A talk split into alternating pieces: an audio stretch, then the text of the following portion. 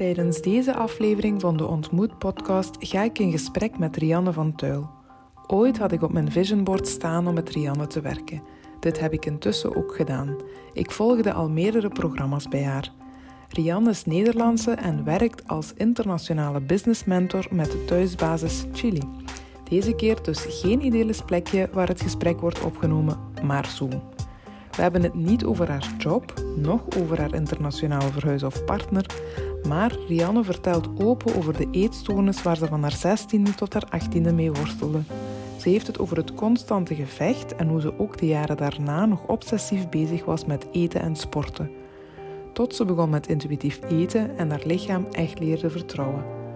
We hebben het uitgebreid over wat haar op haar pad naar genezing heeft geholpen. Als jij iemand bent die worstelt met eten, dan hoop ik oprecht dat Rianne haar verhaal je mag inspireren. Het is wel degelijk mogelijk om deze patronen te doorbreken. Veel luisterplezier. Welkom bij de Ontmoet podcast. Fijn dat je luistert. Dit is een podcast over gewone vrouwen die bewust, soms gedwongen, bijzondere keuzes maken of bijzondere dingen meemaken. Ik ben Lisbeth en voor deze podcast ontmoet ik vrouwen en ga ik met hen in gesprek over minder moeten en meer jezelf zijn. Laat ons ook de moeilijke dingen en de dingen waartegen we botsen met elkaar delen. Alleen zo kan je ervaren dat je niet alleen bent en dat andere vrouwen ook worstelen. Ik hoop dat deze gesprekken jou mogen inspireren om niet alleen maar ten koste van jezelf te doen wat er van je verwacht wordt, maar om meer voor jezelf te kiezen. Dat het anders kan en dat ook jij goed genoeg bent en milder voor jezelf mag zijn. Ik deed het niet alleen en mocht rekenen op de steun van allemaal prachtige vrouwen. Het was bijzonder te mogen ervaren hoeveel vrouwen onmiddellijk bereid waren om het gesprek aan te gaan en zich op hun kwetsbaarst te laten zien. Ik hoorde meermaals al betekent mijn verhaal het verschil voor één vrouw, dan is het de moeite waard geweest. Graag breng ik de verhalen van deze dappere vrouwen. Hi Rianne. Hallo. Uh, het is de eerste keer uh, om het op deze manier eens uh, te doen, om in gesprek te gaan via Zoom. Maar ja, je woont een beetje te ver om daar op te komen nemen, anders met heel veel plezier. Um, Vertel eens, hoe, je woont in Chili op dit moment, hè? Hoe ben je ja, aan de andere kant van de wereld verzeild geraakt? Ik had mezelf hier nooit verwacht. Ik, ik, ik, uh, ik vind mezelf meer een Azië-mens, eerlijk gezegd. maar uh, ik ben verliefd geworden op een Chileen. Mm -hmm. En uh, ja, dus dat bracht mij hier in Chili. Mm -hmm. Ja, en ik woon inmiddels vijf jaar. Vijf jaar al. Okay. Ja. En gelukkig in Chili? Ja, zeker. Ja, heel gelukkig. De, niet vanaf het begin meteen was het meteen ro roze geur, maneschijn hoor. Het viel me best wel tegen, eerlijk gezegd. Om, om hier helemaal te integreren. Maar vijf jaar later kan ik wel zeggen dat, ik, dat dit toch wel echt mijn thuis is nu. Ja? Ja. ja leven. Ja. of ik hier blijf, zei je? Ja. Voorlopig wel.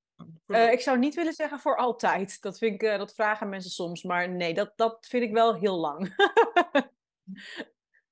ja, je ziet wel. Ik, ik heb zelf negen jaar in Peru gewoond. En dat was begonnen met drie jaar. En dan dacht ik van... Op een moment dacht ik, oké, okay, ik ga hier blijven. Maar uiteindelijk ben ik uh, toch terug in ja. beland. Dus, ja, je weet, je weet niet hoe het loopt. Ik vind het leven een beetje te kort om zo lang op één plek te wonen, eerlijk gezegd. Dus ik, uh, ik zie mezelf ook nog wel ergens anders wonen, maar we hebben geen plannen. Oké, okay, super. Ja. Eens, um, wie is Rianne buiten in iemand die in Chili woont? Nee, ja. In ieder geval. Ik, um, ja, ik, uh, wie ben ik? Ik ben moeder van een tweejarig zoontje, mm tweeënhalf. Um, en ik, uh, ik ben business mentor voor, uh, voor ondernemers. Ik help ondernemers om een online bedrijf te bouwen en op te schalen in, in 24 uur per week, zodat ze daarnaast nog, ook nog van hun leven kunnen genieten. Dus ja. dat is wat ik, uh, ja, waar ik me, uh, ja, waar ik me op toeleg in mijn werk. Ja, oké. Okay. En um, hoe zag uw levenspad eruit voordat je in Chili beland bent? En Je hebt al verschillende dingen ook een beetje gedaan, hè? Personal trainer, psycholoog, nu business. Ja, ehm, ik weet niet hoe ver je wil dat ik terug ga, maar ik, uh, als ik uh, zeg maar bijvoorbeeld uh, tien jaar. Mm ik ben mijn bedrijf elf jaar geleden gestart, maar als ZZP'er. Weet je wel, ben ik gestart en ben ik gestart als. Dat is, ja, ik ben ook psycholoog. Maar ik was toen de tijd nog geen psycholoog. Okay. Ik, ben ge, ik ben nou ja, pas volgens mij zes of zeven jaar, zes jaar geleden afgestudeerd. Uh, ik begon vrij laat met psychologie studeren.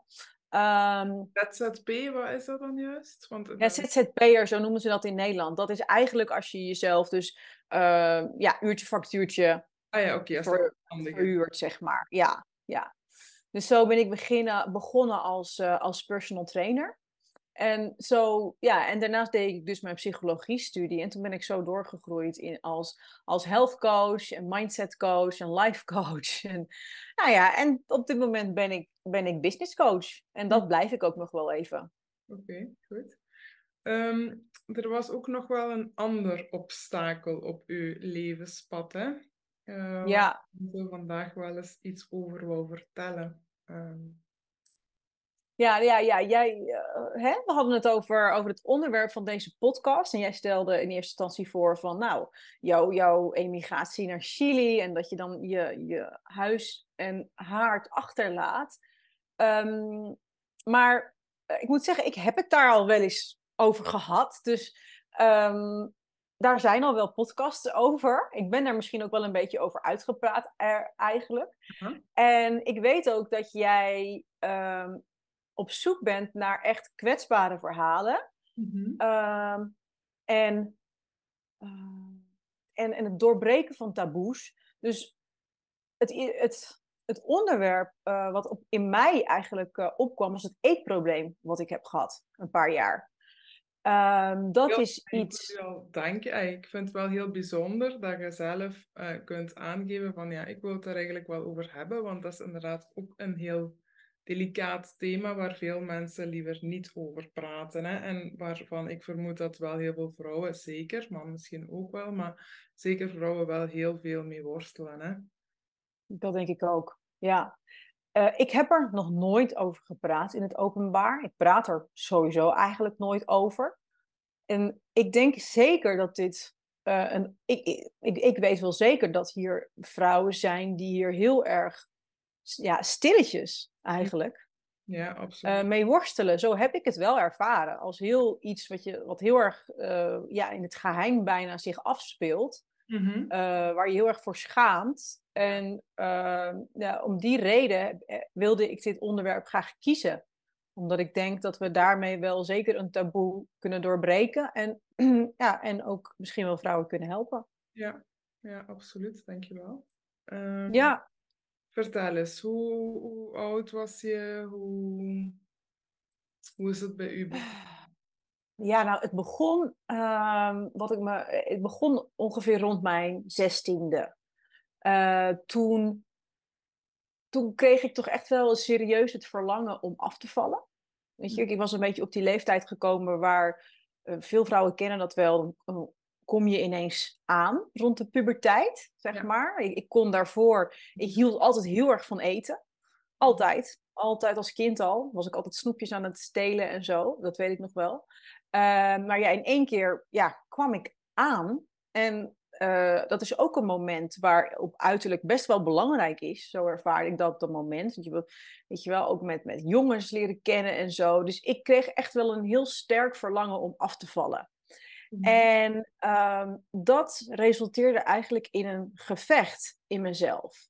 Want ik wilde afvallen en ik had begrepen dat je daarvoor zo min mogelijk moet eten. En dat lukte mij niet. Dat was eigenlijk wat er gebeurde. Ik, ik probeerde zo min mogelijk te eten. En doordat ik dat uh, en, en doordat ik dat probeerde, dat, dat lukte niet. Dat resulteerde dus in, in eetbuien. Mm-hmm. En uh, ja, dat, uh, heel ontzettend eetbuien zijn verschrikkelijk. Gewoon echt. Dat, dat, was, dat is niet gewoon een, een zak chips leeg eten, zoals je dat misschien kent voor de tv. Het is een hele aparte state of being. Ehm, en dat resulteerde in eetbuien. En die eetbuien, die waren natuurlijk... Een andere state of being, wat, wat bedoelt je dan? Of wat gebeurt er dan? ik denk dat het in het begin wel was van oké, weet je, neemt, je, je neemt een beetje uh, nou, wat extra koekjes of, of wat chips. Maar op een gegeven moment wordt een eetbui een soort verslaven, een soort verslavend middel eigenlijk. Ehm, heel apart. Maar uh, dan, komt het, dan wordt het echt iets wat je plant, bijvoorbeeld. Gewoon echt een eetbui plannen. Van dan op die en die tijd, dan is er niemand thuis bijvoorbeeld. En dan ga ik um, ja, eten. En dat, dat is dan een soort roes waar je op dat moment in komt. Je denkt dan niet heel erg na. Je bent niet heel erg bewust op dat moment, maar je bent alleen maar bezig met, nou ja, met eten. Allerlei verschillende dingen door elkaar tot je, tot je het helemaal niet meer lekker vindt. Ook. Het is helemaal niet iets wat echt heel lekker is. Maar het is echt een soort drugs die je eigenlijk tot je neemt. Uh, wat op dat moment, ja, ook, hè, als verdovend. Je het geeft ook echt een dopamine rush en zo. Hè? Dus je voelt u ook, hè? want veel vrouwen hij, um, zeggen schaamte. Hij, en als je achteraf schaamt, waarom doe je het dan? Ja, maar je voelt op het moment, dat, hij, er is even een moment dat je wel even iets voelt van en dat ook een beetje dat verslaven, omdat je waarschijnlijk ook voor een heel stukje op zoek bent naar dat gevoel. 100 procent, ja. Ja, zeker. Die, die eetbuien worden op een gegeven moment uh, een verslaving. Ja. Wat samengaat met de rest van de dag proberen zo weinig mogelijk te eten, want je wilt afvallen. Mm Dat was wel nog steeds mijn doel. Je wilt afvallen ergens heb je ook die verwachting van als ik dat wil, dan kan ik dat toch gewoon. Vervolgens resulteert, de, resulteert dat bij mij dus in, um, in eetbuien. Ik denk, zo, ik gok het gewoon dat ik dat één keer per dag ongeveer had. En dan, um, ja, en, en, en, en, en dat is natuurlijk heel verstorend voor jezelf, omdat dat is precies het tegenovergestelde van wat je wil. Ja. Dus dat resulteert in een enorm uh, ja, enorm innerlijk conflict. En ik, uh, ja, ik, ik, ik uh, ja, hoe noem je dat? Ik, ik, ik gaf dan over. Dus ik gooide het er dan eigenlijk allemaal weer uit. Mm -hmm. Om het eigenlijk om het te compenseren en zodat ik dus niet aankwam. Ja. ja.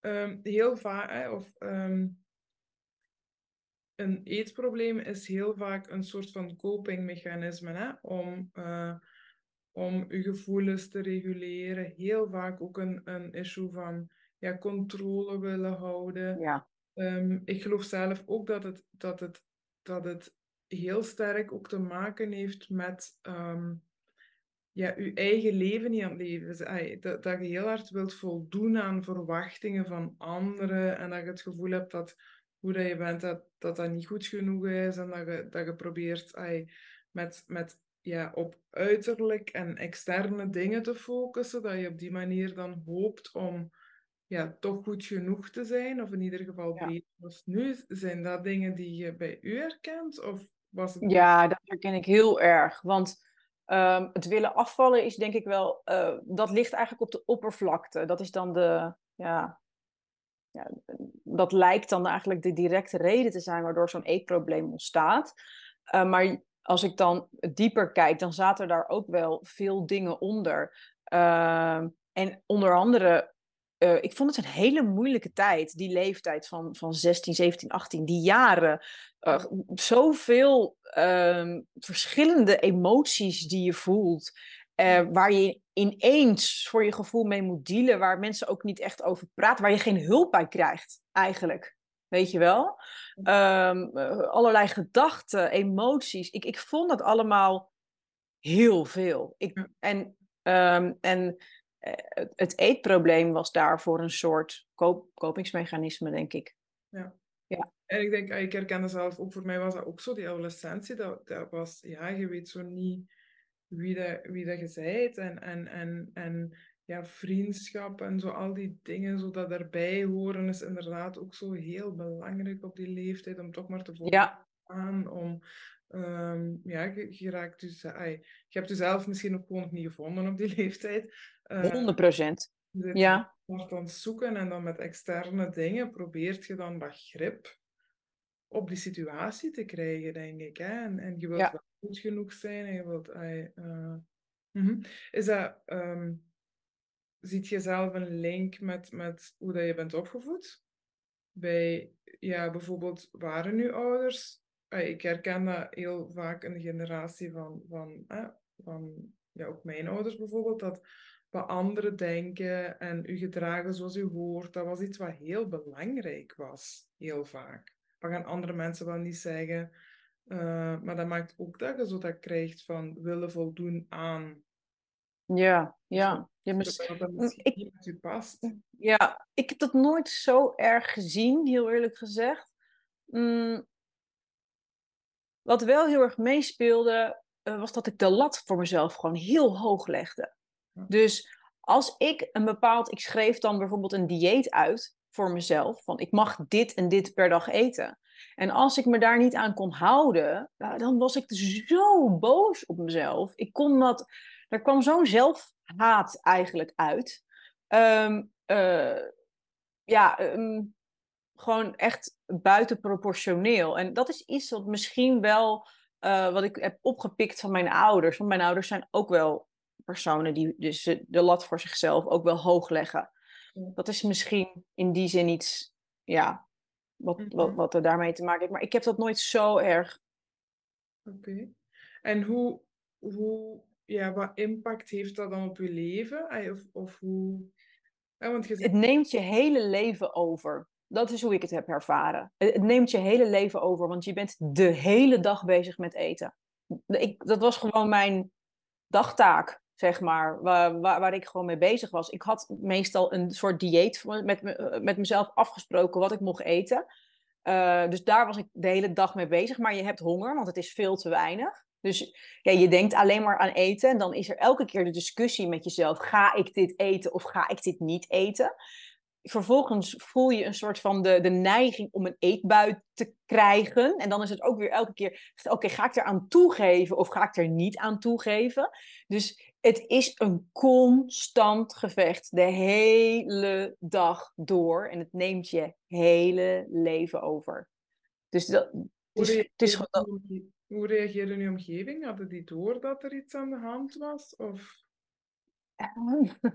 um, Volgens mij niet echt. Uh, ik, eh, op een gegeven moment, ik denk dat ik het op een gegeven moment aan wat vrienden vertel, of aan één vriendin of zo verteld heb. Uh, en die, die reageerde um, heel lief. Ik weet nog dat, dat, dat ik van mijn vrienden toen een uh, CD kreeg met het liedje van uh, Christina Aguilera van You Are Beautiful. Weet je wel, dat was heel lief. Ik had wel een aantal vriendinnen die, uh, die er wel, uh, ja, die, er, die dat wel wisten en die daar ook wel naar vroegen. Van hoe gaat het nu mm-hmm. daarmee? En hoe lang het geduurd? Of, of hoe lang is dat? Um, vergeleken bij, uh, als ik het vergelijk met, met andere uh, mensen die e-, met eetproblemen hebben gehad, vrij, vrij kort eigenlijk. Het was, ik, um, dat het echt, zeg maar, vol, vol, vol, dat ik vol met het eetprobleem, zeg maar 100% struggelde, was denk ik twee jaar. Van 16 tot 18 ongeveer. Mm-hmm. Dat is wat ik, dat is vrij, dat is vrij kort. Uh, daarna heb ik nog steeds uh, heel lang gestruggeld met, met eten, maar op een veel minder intense manier. Dus niet meer met overgeven of compenseren, met, met, uh, met oversporten of wat, wat dan ook. Mm. Dat waren die twee jaar, gelukkig maar, uh, ja, dat het echt um, dat het heel heftig was. Ben je nou wel nog mee bezig? En wat mate dan wel nog? Of hoe, hoe uh, in de mate dat ik ehm, in veel gevallen nog steeds ehm, of wilde afvallen, waardoor ik dus ja, wel nog steeds dat gevecht had tussen wat moet ik dan eten en wat niet en wat mag ik van mezelf. Um, op een gegeven moment kon ik eigenlijk heel goed, kon ik, leerde ik mezelf zo goed kennen dat ik eigenlijk wist welke voedingsmiddelen moet ik bijvoorbeeld nooit eten, want die triggeren bij mij een gevoel van meer willen. Dus uh, welke voedingsmiddelen kan ik wel eten? Als ik een eetbui voel aankomen, wat neem ik dan? Dus uh, op een gegeven moment leerde ik mezelf zo goed kennen. Ik, was, ik wist al heel snel, toen ik begon met, met eetbuien en met overgeven, hier moet ik vanaf. Dit is zo erg. Dit is zo naar. Ik moet hier zo snel mogelijk van af. Dus ik ben er ook eigenlijk meteen uh, op zoek gegaan naar een oplossing. En ik denk dat ik er daarom zo snel van afgekomen ben. Mm -hmm. na, toen ik op een gegeven moment, nou ja, over de grootste, uh, het probleem, voor het grootste gedeelte uh, daar overheen was, ja, toen kon ik het gewoon reguleren, zodat het net niet uit de hand liep, zeg maar.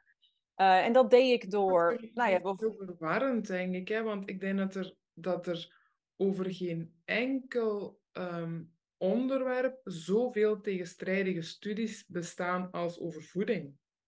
Je weet toch gewoon niet meer wat moet, wat moet je nu eigenlijk doen om goed te doen. Of wat, hè? Want als je zegt van ja, dat mag ik niet, dat mag ik wel. Ja, dat komt van ergens. Hè? Zo die, sommigen zeggen ja, niet, je moet wel gewoon... Ay, zo, zoveel tegenstrijdige boodschappen ook, dat dat ook heel moeilijk is om... En ja, ik geloof dat het dan heel sterk gaat naar, naar uw lichaam leren luisteren. En, maar dat zijn er dan al lang kwijtgespeeld, denk ik. Hè? Ja, nee, klopt. Klopt, daar gaat het zeker om. Maar dat, dat leren we niet. Net zoals inderdaad we niet leren met emoties om te gaan. Ja. Met gedachten. Ja. Uh, leer je ook niet hoe kan je gewoon uh, op een gezonde manier uh, eten en daarmee wel op gewicht blijven. Want dat bleef ik altijd wel heel belangrijk vinden. Ja. ja. En je zegt van ik heb heel snel een oplossing gezocht. Uh, wat was uw oplossing of wat heeft u geholpen toen? Uh, in eerste instantie dacht ik gewoon, ik moet het gewoon beter controleren. Ik moet mezelf beter controleren. Dat, dat, dat weet ik nog, dat probeerde ik zelf elke keer eerst. Elke keer weer een soort dieet voor mezelf. Elke keer weer proberen. En op een gegeven moment uh, realiseerde ik van oké, ja, dit, dit werkt niet. Uh, toen uh, ben ik boeken gaan lezen. Die hebben mij enorm geholpen. er is één boek, um, volgens mij, het heet het hoofdmenu of zo. Het hoofdmenu. Mm, van Betty. Ik weet even niet meer precies de titel en de schrijver. Maar in dat boek stond uitgelegd waarom je een eetbui krijgt. Dus er stond uitgelegd hoe je gedachten leiden tot eetbuien. Nou, en dat was voor mij goud. Want toen herkende ik mezelf. Er stonden echt een aantal gedachtenpatronen in. Van bijvoorbeeld uh, zwart-wit denken. Als je één chocolaatje hebt gegeten, denk je meteen: het heeft geen zin meer. En ik ga helemaal los. Ja, dat is een valkuil. En dat legde dat boek zo goed uit ik kreeg inzicht in mijn eigen gedrag. In mhm. mijn, in mijn eigen waarom ik me gedroeg zoals ik me gedroeg. En dat is de sleutel om het te kunnen veranderen. Ja, absoluut. Ja, dus er zijn uh, boeken die mij enorm hebben geholpen. Mm en, en, ik, en ik ben ook naar therapie gegaan. Ja. En de therapie of die nacht heel erg heeft geholpen. Ik, ik denk stukje bij beetje wel. Maar het ging niet heel hard voor mijn gevoel. Dat ik daar, uh, ja, dat, ik, dat ik daar echt uitkwam. Ja. Ja. ja.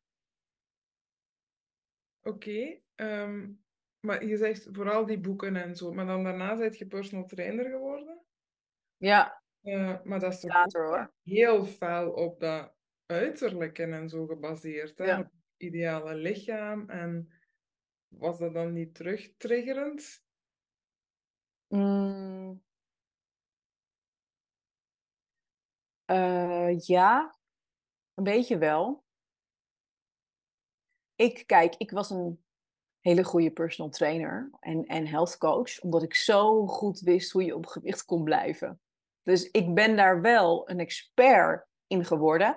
En dat hielp mij om mijn eetprobleem te, kon, dat, dat, dat heeft, doordat ik leerde hoe ik mezelf op een gezonde manier uh, op het gewicht kon houden wat ik wilde, mhm. eh, hield, heb ik dat eetprobleem niet meer nodig, zeg maar.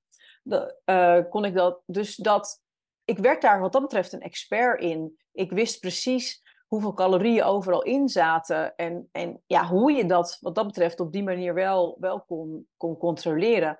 Ehm, voor mijn gevoel, dus was dat heel uh, triggerend.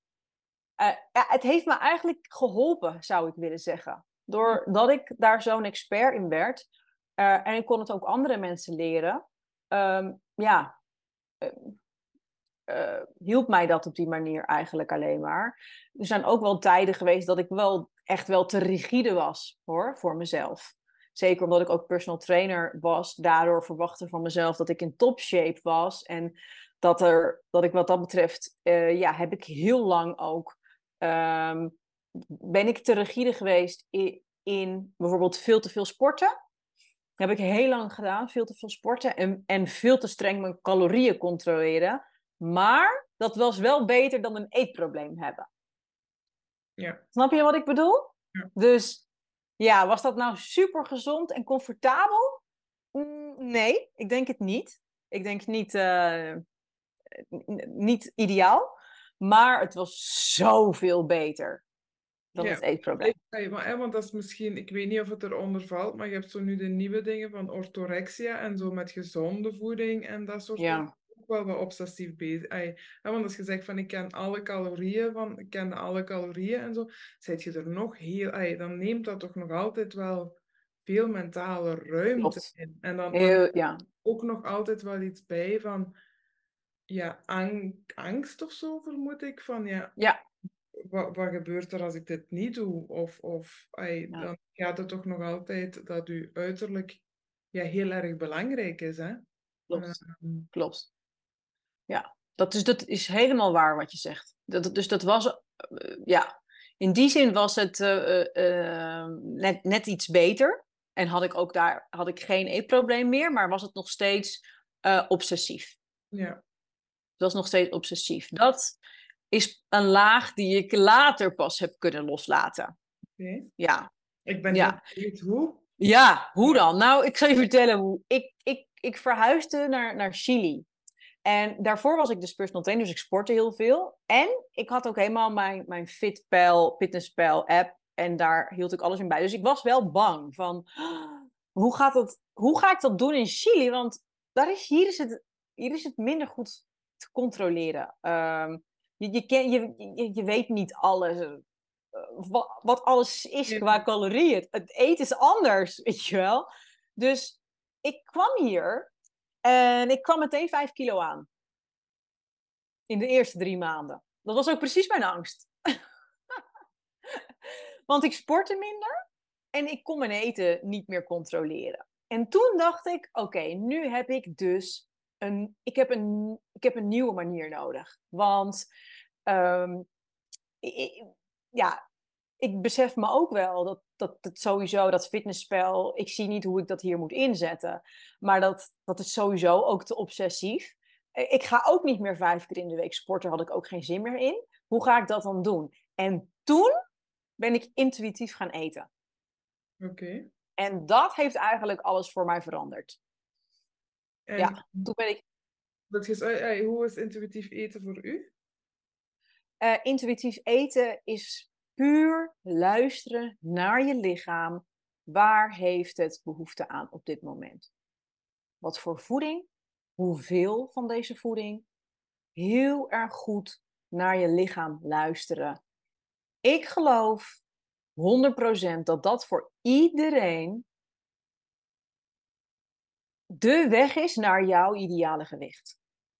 Mm je, want jouw lichaam weet gewoon precies Ehm, die, weet, die heeft alle antwoorden natuurlijk altijd. Dus die weet precies wat je nodig hebt. En um, ja, als, je, als dat je lukt, dan is dat natuurlijk. Ja, dan heb je eigenlijk altijd je kompas bij je. En als je daar ook op durft te vertrouwen. Want dat was mijn probleem. Ik durfde niet te vertrouwen op mezelf. Dat ik wel weet wat ik nodig heb. Want ik wel weet dat als ik dit en dit eet, dat dat goed is voor mij. Dat het, dat, dat, dat, dat oké is voor mijn lichaam. Ehm, dus dat is wel een soort van, het voelt een beetje als een sprong in het diepe. Ja, Want, het klinkt heel mooi, maar ik denk wel, eh, ik zie dat bij cliënten en zo ook van, dat, dat klinkt heel mooi, maar hoe doet je dat dan? Hoe luister je? En ik vind het soms ook een moeilijke, bijvoorbeeld mensen die, ja, ik geloof persoonlijk, je moet ook op andere domeinen inzetten. Bijvoorbeeld als je heel moe bent, ja, dan heb je gewoon veel meer zin om te eten. Je zei, hè, je lichaam heeft energie nodig, dus als je dan komt, hè, als je wel, ja, als je dan intuïtief gaat eten, is dat wel een hele moeilijke, want je gaat gewoon echt letterlijk te veel. Je lichaam heeft slaap nodig. Dus ik denk Ja. dat je slaap moet inzetten, inderdaad op hè, emotieregulatie en andere dingen vinden om ja, met je emoties om te gaan. En je zei, hey, Chili, je hebt daar misschien dan inderdaad een partner waar dat je, of, of andere dingen.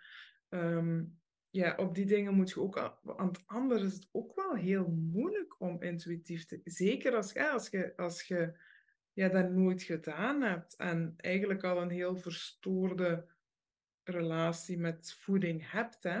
Ja, dat is waar. Weet je, maar ik, ik had in die tijd, eh, in die, al die jaren, had ik al wel geleerd om naar mijn intuïtie te luisteren. Ja, dat is Alleen niet qua eten. ja, ja, Dus dat had ik al wel. Dus toen moest ik het alleen nog doen op het gebied van eten. En dat is heus niet 100% van de tijd makkelijk, want soms weet je niet per precies wat je intuïtie zegt of dat het je intuïtie is. Want er zijn ook wel, ik heb het ook aan andere eh, klanten van mij geteacht toen der tijd. En ik weet nog dat er ook mensen zeiden: ja, maar als ik naar mijn intuïtie ga luisteren, dan eet ik elke dag een zak chips. Dat is niet zo. Dat is niet zo. Dan luister, dat is niet je intuïtie die je dat vertelt, dat je dat moet eten. Ja. Ehm, En als je hoe dat je hebt leren luisteren naar je intuïtie? Of, of wat dat u daarmee geholpen? Hè? Want er, er zijn er wel wat Ja. stappen vooraf gegaan. Hè? Ja, hoe je luistert naar je intuïtie. Ja. Ehm, stap 1 is denk ik contact maken met je lichaam. We zitten natuurlijk heel erg veel in ons hoofd over het algemeen. Continu aan het denken, denken, denken, piekeren, piekeren, piekeren. En dat, dan kun je je lichaam niet voelen.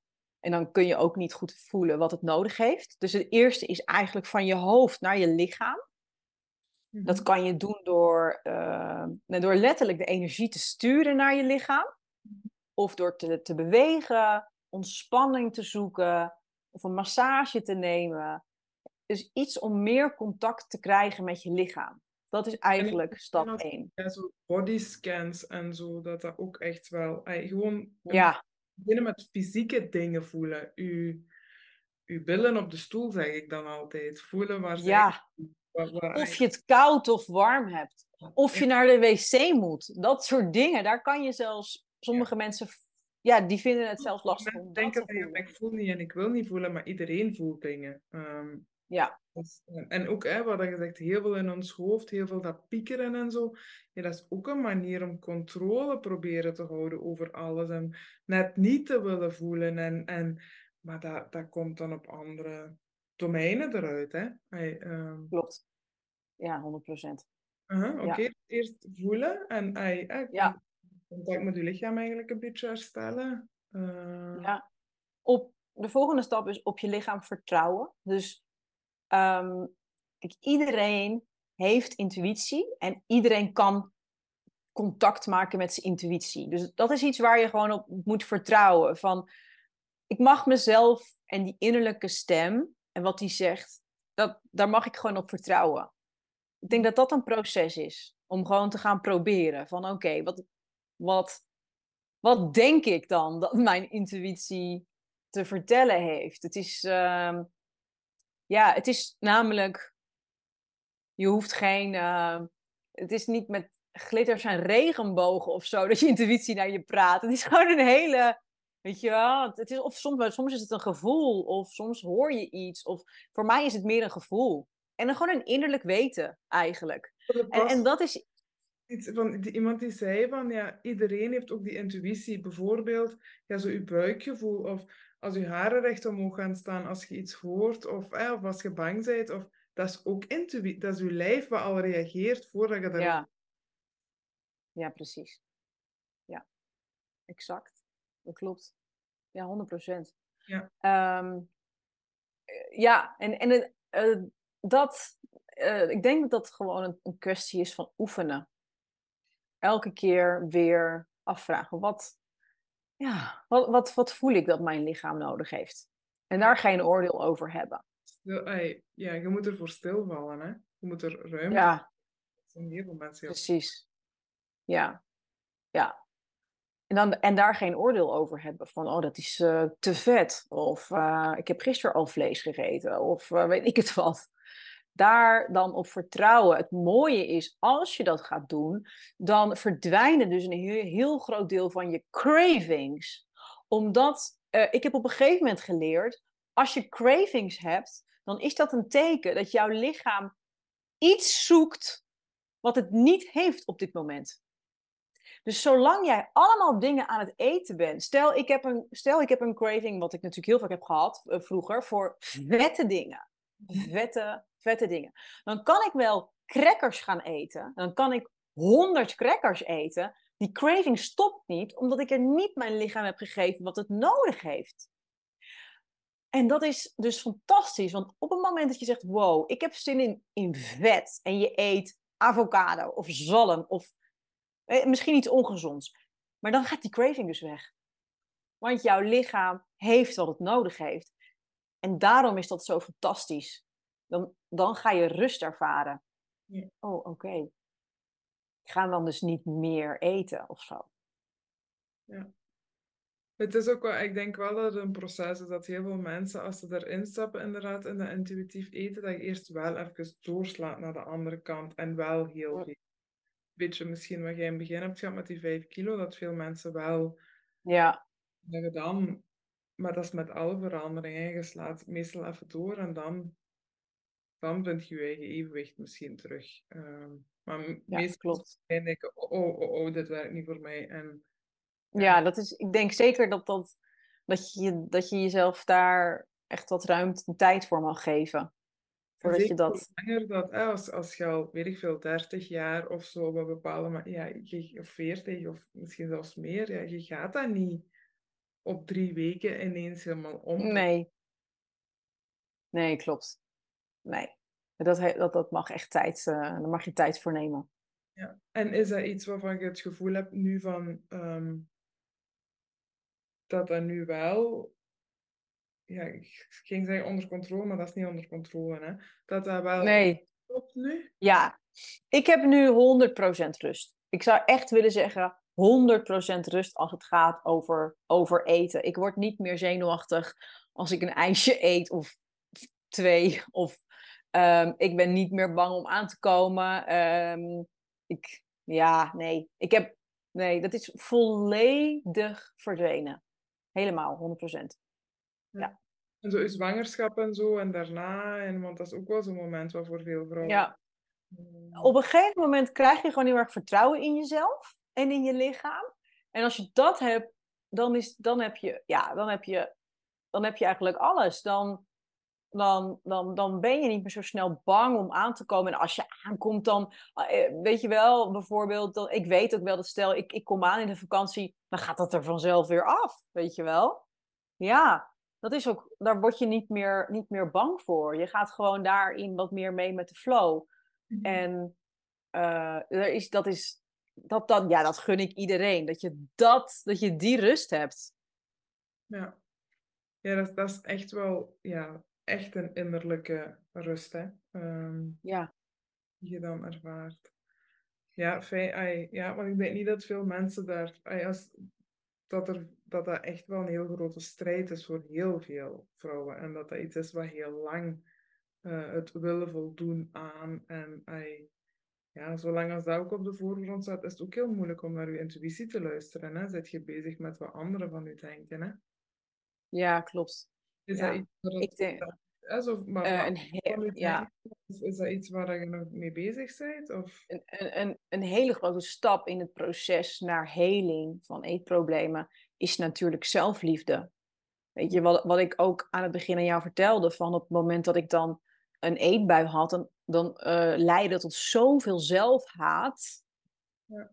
En dat, daar, daardoor wordt het natuurlijk alleen maar erger. Tuurlijk. Want nu ga je nog strenger voor jezelf zijn of je gaat jezelf misschien zelfs wel straffen.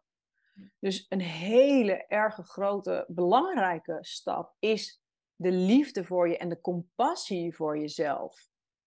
Dat is een game changer. Want als je dan een eetbui hebt gehad, je hebt niet aan je eigen verwachtingen voldoen, dan kan je zien, oh, ik ben maar een mens. Wel? Ja, wat, Ja, dan kan je met compassie naar jezelf kijken en dan kan je vervolgens. sorry, de schuld achteraf is heel vaak ook, ja, dat geeft zoveel stress, waardoor om die stress te reguleren, gaat je terug eten als dat je mechanisme is. En je blijft Ja. En, Ja. en zoals je zegt, zelfliefde, zijn er daar dingen waarvan je zegt van tips of zo, wat dat u geholpen heeft? Ehm, denk dat ik best wel een lange weg ook in zelfliefde heb afgelegd. Ook wel echt jaren. Ehm, maar ehm, begin eens met jezelf te zien als de belangrijkste persoon in je leven. En begin eens met te zien wat jouw gebrek aan zelfliefde allemaal doet in je leven. Wat voor schade het allemaal aanricht. Dat is een enorm. Als je dat gaat zien, dan schrik je. Schrik je. Je ziet van wow, mijn gebrek aan zelfliefde heeft echt schade aangericht. Want, nou ja, ik kan allerlei voorbeelden noemen, ook die wel bui- buiten eten gaan.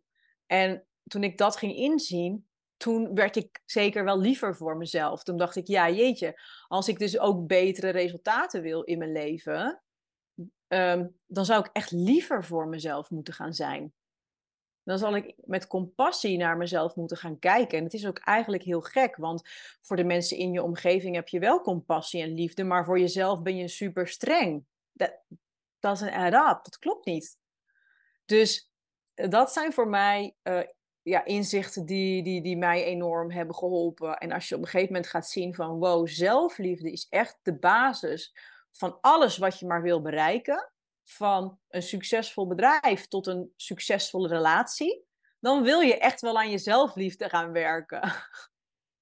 En dan- Ja, zeker als je kinderen krijgt, ehm, ja, ik, eh, ik geloof daar ook heel sterk in, van je kinderen leren van wat ze zien, niet van wat jij zegt. Je kunt dan wel hopen dat je kind het anders gaat doen en zeggen van, ja, maar het is belangrijk dat je zelf graag ziet. Maar als je dat niet bij jezelf doet, dan gaan ze het Ja. dus leren, hè. klopt. Klopt. En veel vrouwen vinden dat wel, merk ik. Ik heb ook echt vrouwen die naar de praktijk komen, omdat, niet voor zichzelf, maar voor hun kinderen. Ja. Ja, om zichzelf te veranderen voor hun kinderen. Ja, dat- ja, ja. ja fantastisch. Ja, fantastisch, maar ergens ook wel heel jammer, want je mocht het Dat ook jammer. zelf doen, hè. Ja, ja. Nee, precies. Dat Ja, helpt, dat, dat Prima. Als het helpt, pri- ey, hè, dan, dan op zich maakt het niet uit waarom dat je komt, hè. Of, maar, ehm, ja. ja, ja, ja, ja. Ja, ik, ik zie nu in, in onze zoon dat hij heeft eh, dat zelfliefde. Het zit wel in orde. Eh, eh, ja, ja, ja, ja. Ehm, maar wij hebben ook als ouders inmiddels wel allebei een sterke basis ehm, ja, van zelfliefde gelegd. Dat is echt wel een, eh, zeker een, een foundation, een fundering voor je, voor een gelukkig leven, geloof ik. Ja, Absoluut. En als Ja. je van hè, jezelf prioriteit en, en hoe doet je, hè, want voor, dat is een beetje zelfzorg ook, hè? Hoe, hoe, hoe heb je Ja. rituelen of zo, of dingen die je doet die voor u belangrijk zijn om voor jezelf te zorgen en van jezelf prioriteit te maken? ja. Ten eerste, ik plan gewoon, ik plan gewoon tijd voor mezelf elke week. Dat is, wat, dat is wel wat ik ten eerste doe. Dus ik heb twee of drie middagen heb ik gewoon voor mezelf. En dan kan ik, soms ga ik misschien wat werk doen, soms ga ik misschien naar de kapper, soms ga ik misschien ehm, sporten, soms ga ik misschien op bed liggen. Maar dat is voor mij super belangrijk. Dus dat ik gewoon elke week standaard gewoon tijd voor mezelf heb. Voor mij alleen. En dat ik in die tijd kan doen wat ik maar wil. Ja. dat is. Dan, dan leer je jezelf ook van dat je dat verdient. Mhm. Dat kan natuurlijk En dat je 24 uur werkweken. klopt. Ja. Maar dat is ook precies de reden waarom ik daarvoor gekozen heb om dat te creëren. Omdat ik al wel vrij snel wist van als ik ook kinderen wil. ehm, en ik wil ook voor mezelf kunnen zorgen. Ik wil niet moe zijn. Dan, dan kan ik niet meer dan 24 uur per week werken. Dus dan zal ik moeten zorgen dat dat eh, ook niet hoeft. Ja. Dat is ook een manier om voor jezelf te zorgen. Hè? Eh, Klopt. Zeggen van ja, ik werk gewoon minder. Ja. Ja. Er zijn heel veel, heel veel manieren om, voor jezelf te zorgen. Ehm, ja. Andere dingen waar je denkt van, van, van voor jezelf zorgen? Grenzen aangeven. Absoluut. Grenzen aangeven bij je partner bijvoorbeeld. Ehm, ervan? Over hoe, wat zeg je, een voorbeeld? ja, van hoe dat je grenzen aangeeft?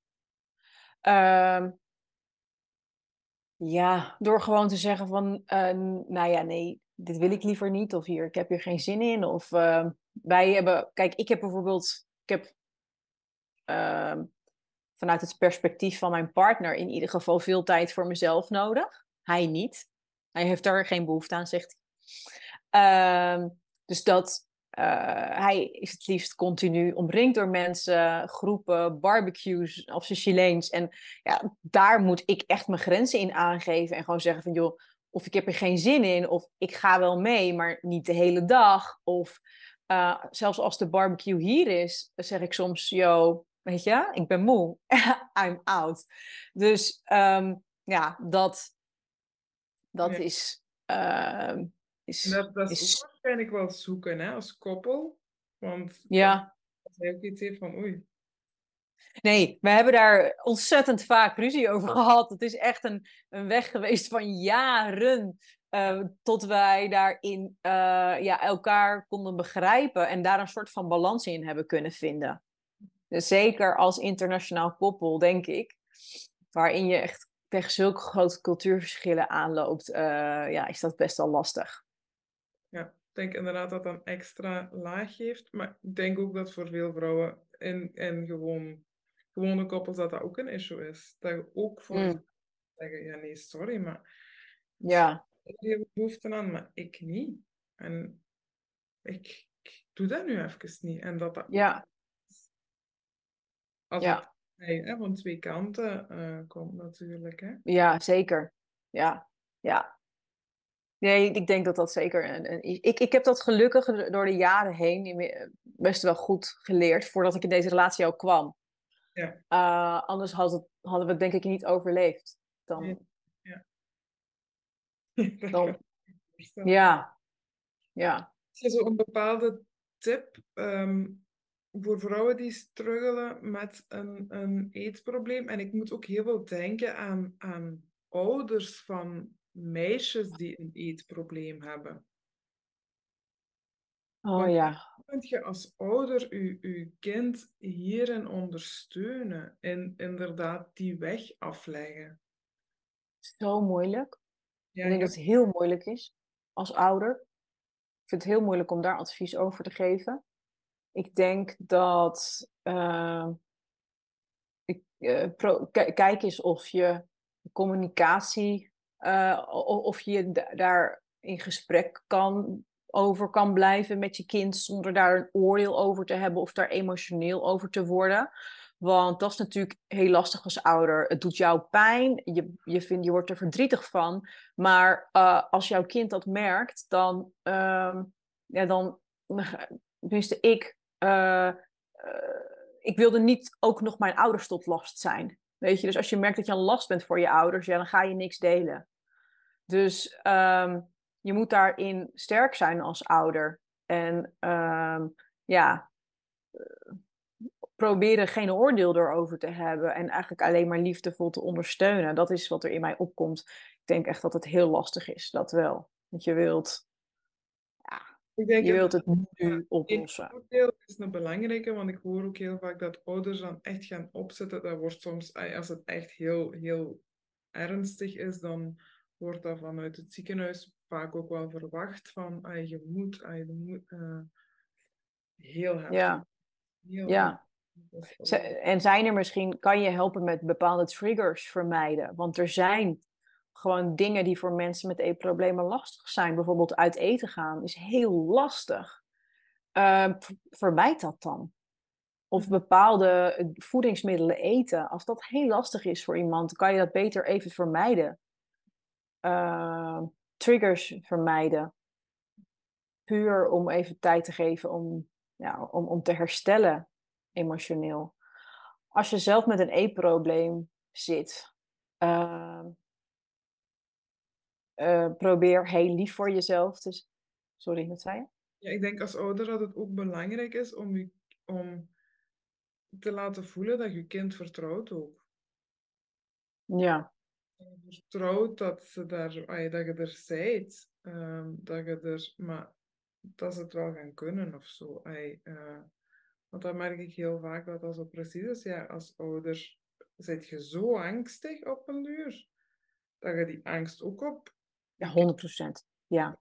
ja. Als kind denk je dan, als mijn ouders zo bang zijn, moet ik ook wel bang zijn. Dat denk je als kind.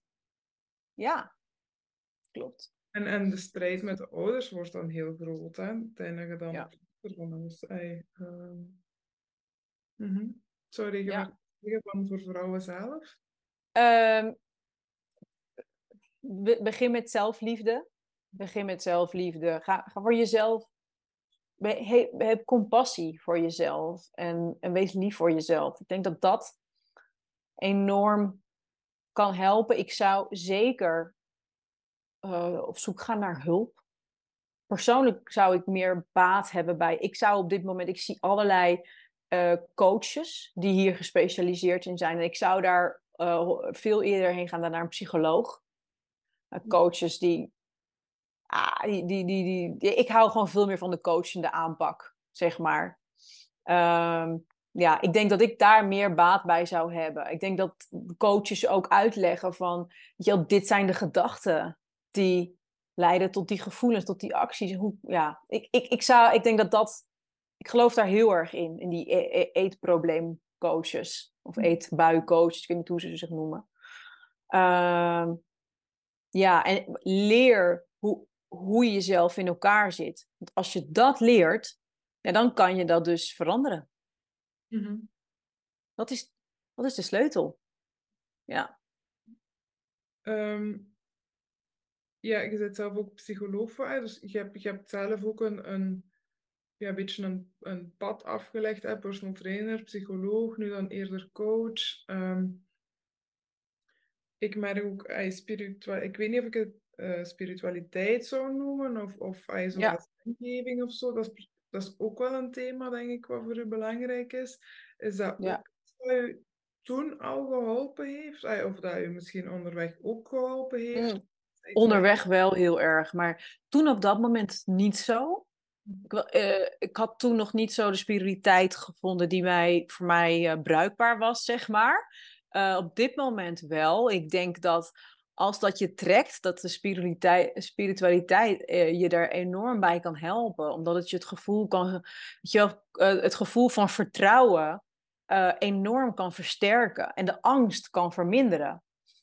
Mm, ik vind zelf het boek van Gabrielle Bernstein, The Universe Has Your Back, daarin eh, fantastisch. Gewoon echt briljant. Kan ik iedereen aanraden die bepaalde struggles heeft op dit moment.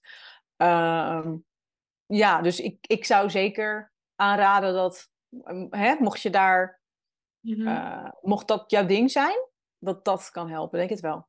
Ja. ja. Dat is een beetje wat vroeger religie, daar vonden mensen ook heel vaak steun in. Als ze heel moeilijk is. Ja, precies. En, maar religie komt ook voor heel veel mensen, wordt voor, bij ik in ieder geval, want ik ben ook religieus opgevoed, he, uh, heb re religie altijd geassocieerd met angst. Ja. En dat is ongeveer het tegenovergestelde van waar je natuurlijk aandacht aan wil geven. Dus um, mocht je het in religie vinden, dat is natuurlijk ook prima, als je, he, als je het tenminste associeert met liefde.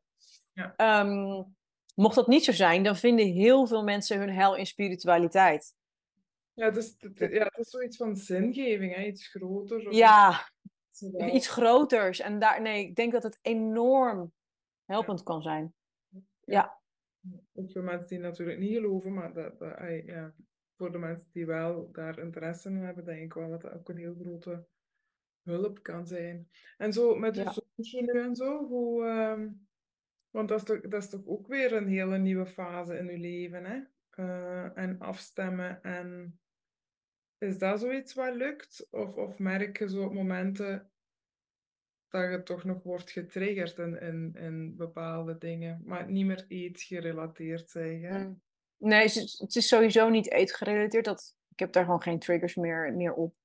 Ehm, word ik wel eens getriggerd? Ik word, ik word wel eens getriggerd. Ik moet zeggen, niet, niet heel veel. Ik heb het gevoel dat ik ehm, inmiddels zoveel persoonlijke ontwikkeling gedaan heb, dat ik ehm, volgens mij best wel veel al heb opgeruimd. Ja. Eigenlijk. Dus ik, ik Mooi. vind dat enorm meevallen. Ik kan er eigenlijk eh, heel erg eh, van genieten. Ja, en dan kun je ook Ja. bezig zijn in het moederschap, denk ik. Ja, zeker. Ja, ja, ja. Het is, het is weer een hele andere fase. En ehm, waarin eh, liefde voor jezelf, ja, inderdaad weer heel, heel fijn is als je dat al hebt. Als je al compassie en liefde voor jezelf hebt. Omdat je, denk ik, anders kom je nog verder onderaan de lijst staan. En kinderen, maar ook kinderen die spiegelen ook gewoon nog eens echt uw eigen issues heel vaak, hè. Eh, dus dat is vaak weer extra triggerend dan. ehm. maar Ja. ook daar denk ik van, ja, goed, ehm, ja, soms, ja, het hangt ook af van de situatie waar je in zit. Hè. Als je inderdaad nog niet zo ver zit in je persoonlijke ontwikkeling en je hebt kinderen en je hebt, ja, oké, maar begin dan met iets kleins, inderdaad. Ehm, ja, dat kan zijn een glas water 's ochtends drinken als eerste stap. En dat, dat is al een beetje zelfzorg. En dat, dat moet een begin. Ja, En bouw dat van daaruit op. Ehm, ja. niet Dat je- is denk ik, ja, nee, dat is denk ik ehm, ehm, de sleutel naar elk proces of, of herstel, is wat jij zegt van neem die kleine stap en wees daar blij mee. Verwacht niet, nee, dat is in mijn hele proces continu denk ik heel belangrijk geweest, dat ik op een gegeven moment kon zien, hey, vandaag is dit goed gegaan en daar ben ik blij mee. In plaats van dat je een hele hoge lat van perfectie hebt en als je daar niet aan hebt voldaan, is het niet genoeg. Dat is, ja, then you set yourself up voor, eh, dat- dat- voor, voor, voor ehm, natuurlijk angst en, en ehm, dan kan je ook nooit gelukkig worden. Zeker. Ah ja, ik heb dat je, ja, Ik heb heel lang dat ik zoiets had van, ja, oké, ik wil yoga doen. Ik wilde eigenlijk alle dagen doen. Alle dagen liefst een uur. Terwijl ik nu heb ik gewoon, ik doe, ik doe wel alle dagen terug. Pas kort. eh, maar tien minuten. En dat lukt mij wel. En Ja. anders heb ik heel het gevoel van, oh nee, nu heb ik dat vandaag weer niet gedaan. En ik zou dat moeten doen. En ik zou dat... En dan wordt daar alleen... Dan, het is niet dat ik daar zin van krijg om dan yoga te gaan doen. Hè, terwijl ik zeg, nee, dat lukt mij wel. En misschien is dat maar twee minuten, hè? Maar dan is dat twee minuten. Ja. Dat. Dat is zo belangrijk. Dat is eigenlijk gewoon een game changer. Als dat lukt. Ja. absoluut. Hoe definieer jij eh, succes? Hoe is succes voor u op dit moment? Hmm. Oeh, hoe definieer ik succes? Ehm, ja, succes is voor mij als je, eh, al- als je je, ja, als je leven een, een reflectie is van, van waar je naar verlangt. Als jij hebt kunnen creëren waar waar je naar verlangt, of in ieder geval je bent onderweg, want het is natuurlijk altijd een proces. En ik geloof dat verlangens altijd weer groeien en anders worden. En weet je wel, dus dat is ook iets waar je niet moet streven naar perfectie. Uh, maar als je kan zeggen van wow, weet je wel, ik, ik, ik ik ben aan het creëren voor mezelf waar ik naar verlang in alle vlakken van mijn leven, dan is dat volgens mij heel succesvol. Ja. ja. ja. Ehm, ik sluit meestal af met drie vragen. Ehm, een lievelingsquote. Lievelingsquote? Ja. ik vind hem heel moeilijk. Dat vind ik wel heel lastig. Ehm, ik heb er zoveel dat ik er niet, niet nu op kan komen. Maar ik zag vanochtend een quote die bij mij is blijven hangen, die ik dan ga delen. If you don't change something, you choose it. Mhm. ah, dat is wel iets waar ik wel uh, heel erg in geloof. Ja. ja. Ja. In wat jij ook uh, noemde van de kracht van keus, de kracht van keuze. En, en, je, en je hebt altijd de capaciteit om ja, en mensen denken van niet, hè. Mensen denken echt dat dingen hun overkomen en dat ze geen, maar ik heb nog altijd de keuze en hoe gaat je hiermee om? En Precies. daar, conditionering en al die andere wat je hebt meegemaakt, heeft daar een impact op, maar daar kun je aan werken. Ja. Wat ik ook een hele mooie vind is, um, you don't have to see the whole staircase, but just the first step. Dat is ook zo'n quote waar ik me vaak aan vastgehouden heb. Ja. Ja. Dat is wel maar beginnen met de kleine dingen, hè? Ja. Just die first step. En vanuit daar zie je de volgende stap. That's all you need. Ja. ja. Absoluut. Een boek dat u geholpen heeft? Je hebt er net al... Uh... Dat is hem. Dat is mijn... Dat is The Universe Has Your Back. Ik vind dat een fantastisch boek. Ja. Het gaat heel erg over uh, in vertrouwen leven. -hmm. Ja in vertrouwen leven. Dus als je last hebt van angsten of struggles, dan is dat echt een super fijn boek wat heel veel steun kan bieden en tools. Ja. Uh, en een vrouw die u inspireert. Zijn er zoveel? Dat is zo fijn, echt. Heel veel mensen zeggen van er zijn er zoveel. Ik, ah, ik ga toch uh, op dit moment, dit had ik niet verwacht van mezelf. Maar ik ga op dit moment mijn schoonmoeder kiezen. Ja, mijn schoonmoeder. Ja, ik heb een hele bijzondere schoonmoeder. Die is uh, zo liefdevol en die leeft zo vanuit haar hart. En um, ja, die, die inspireert mij met haar ontzettend. Uh, met haar ontzettende liefde, gulheid en vrijgevigheid, waar geen einde aan lijkt te komen. Waar geen einde aan zit. Ja. Weet ik zeker. Ja. Wat maakt dat gezegd ja. had ik niet gedacht? Nou, je, um, ja, dat, in eerste instantie kwam maar andere vrouw in mij op, Michelle Obama of Oprah Winfrey. Dacht ik, ja, nee, eigenlijk. Als ik nou denk, wie inspireert mij eigenlijk op dagelijkse basis? Ik, ik, ik, ik mijn schoonmoeder moeder woont hier praktisch in huis dan, uh, dan, is, het, dan is het toch uh, eigenlijk mijn schoonmoeder. Maar dat is niet iets waar je misschien meteen aan denkt. Maar, maar ja, ik dacht laatst, weet je, dat is... Een, ja. Mensen echt dichtbij die u kunnen inspireren, hè? Ja. Ja. Super. Zijn er nog uh, dingen waarvan je zegt van, dat wil ik nog heel graag delen? Vind ik nog belangrijk mee te geven? Nee, ik denk dat er al best wel veel lessen zitten in deze, ja, in deze podcast. Ja, ik laat het hierbij. Absoluut, super. Rianne, dankjewel. Uh, heel fijn uh, dat je de tijd hebt genomen en dat je je lessen hebt gedeeld ook. Uh, het was heel bijzonder. Um, zo, ja, het is echt zot eigenlijk, hè, dat je ergens heel ver weg zit en dat het toch kan. Ja, fantastisch. Fantastisch. Heel erg bedankt voor de uitnodiging. Het was een, het was een eer om in jouw podcast mijn verhaal te mogen doen. Dankjewel. Goed, we horen elkaar. Ja. Doei. Ciao. Fijn dat je luisterde. Ik hoop dat het gesprek je raakte en inspireerde. Ik hoor heel graag wat jij ervan vond. Stuur een mailtje naar Lisbeth zonder h at moodfeelgood.be. Het zou me veel plezier doen als je de podcast een boost wil geven door je te abonneren of erover te vertellen aan andere vrouwen die er wat aan kunnen hebben. Wil je zelf meer inspiratie over hoe jij dingen kan aanpakken? Check dan de website moodfeelgood.be en ontdek er de blog en mijn aanbod. Als je op de hoogte wil blijven van nieuwe afleveringen en ander moodnieuws, kan je best inschrijven voor de nieuwsbrief. Ik wens je een fijne dag. Tot snel!